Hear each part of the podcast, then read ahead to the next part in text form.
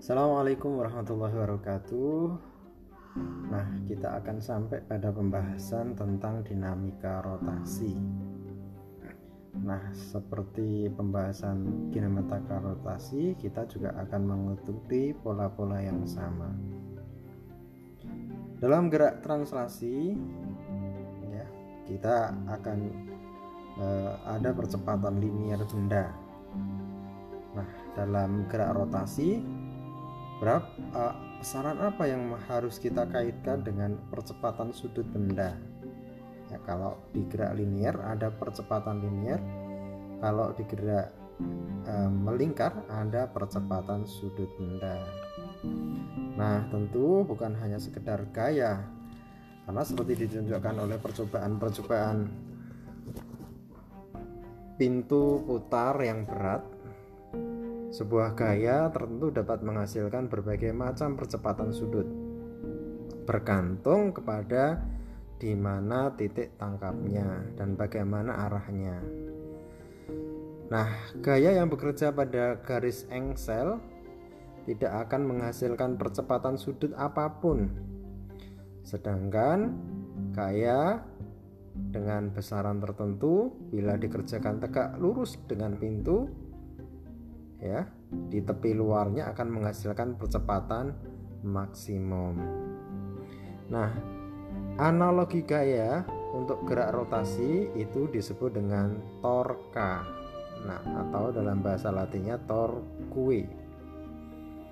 T O R Q U E. Yang akan kita diskusikan sekarang untuk kasus khusus dengan partikel tunggal yang diamati dari sebuah kerangka inersial.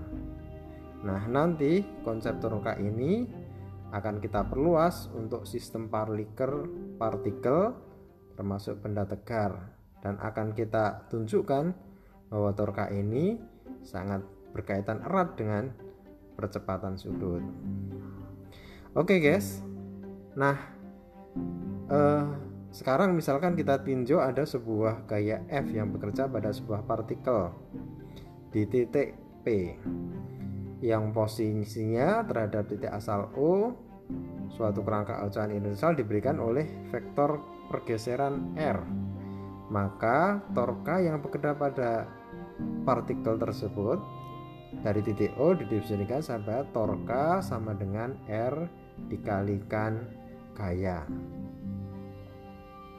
nah torka itu besaran vektor jadi torka sama dengan R cross F.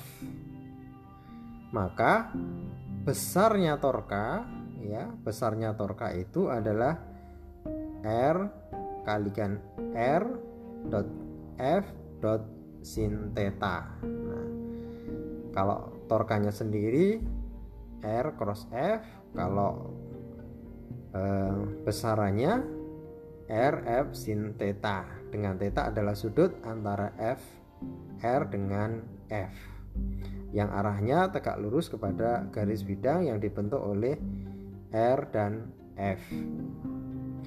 Arahnya dapat ditentukan dengan kaedah tangan kanan bagi perkalian vektor antara dua vektor, yaitu ayunkan R ke arah F melalui sudut terkecil di antaranya dengan jalan mengepalkan jari jemari tangan kanan yang ditunjukkan oleh jari-jari yang ditegakkan menyatakan arah torka.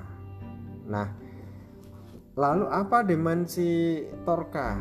Kalau kita pakai M LT maka dimensi torka adalah M L kuadrat 3 pangkat min 2. Demikianlah uh, sedikit tentang torka. Kita lanjutkan kepada pertemuan berikutnya. Terima kasih.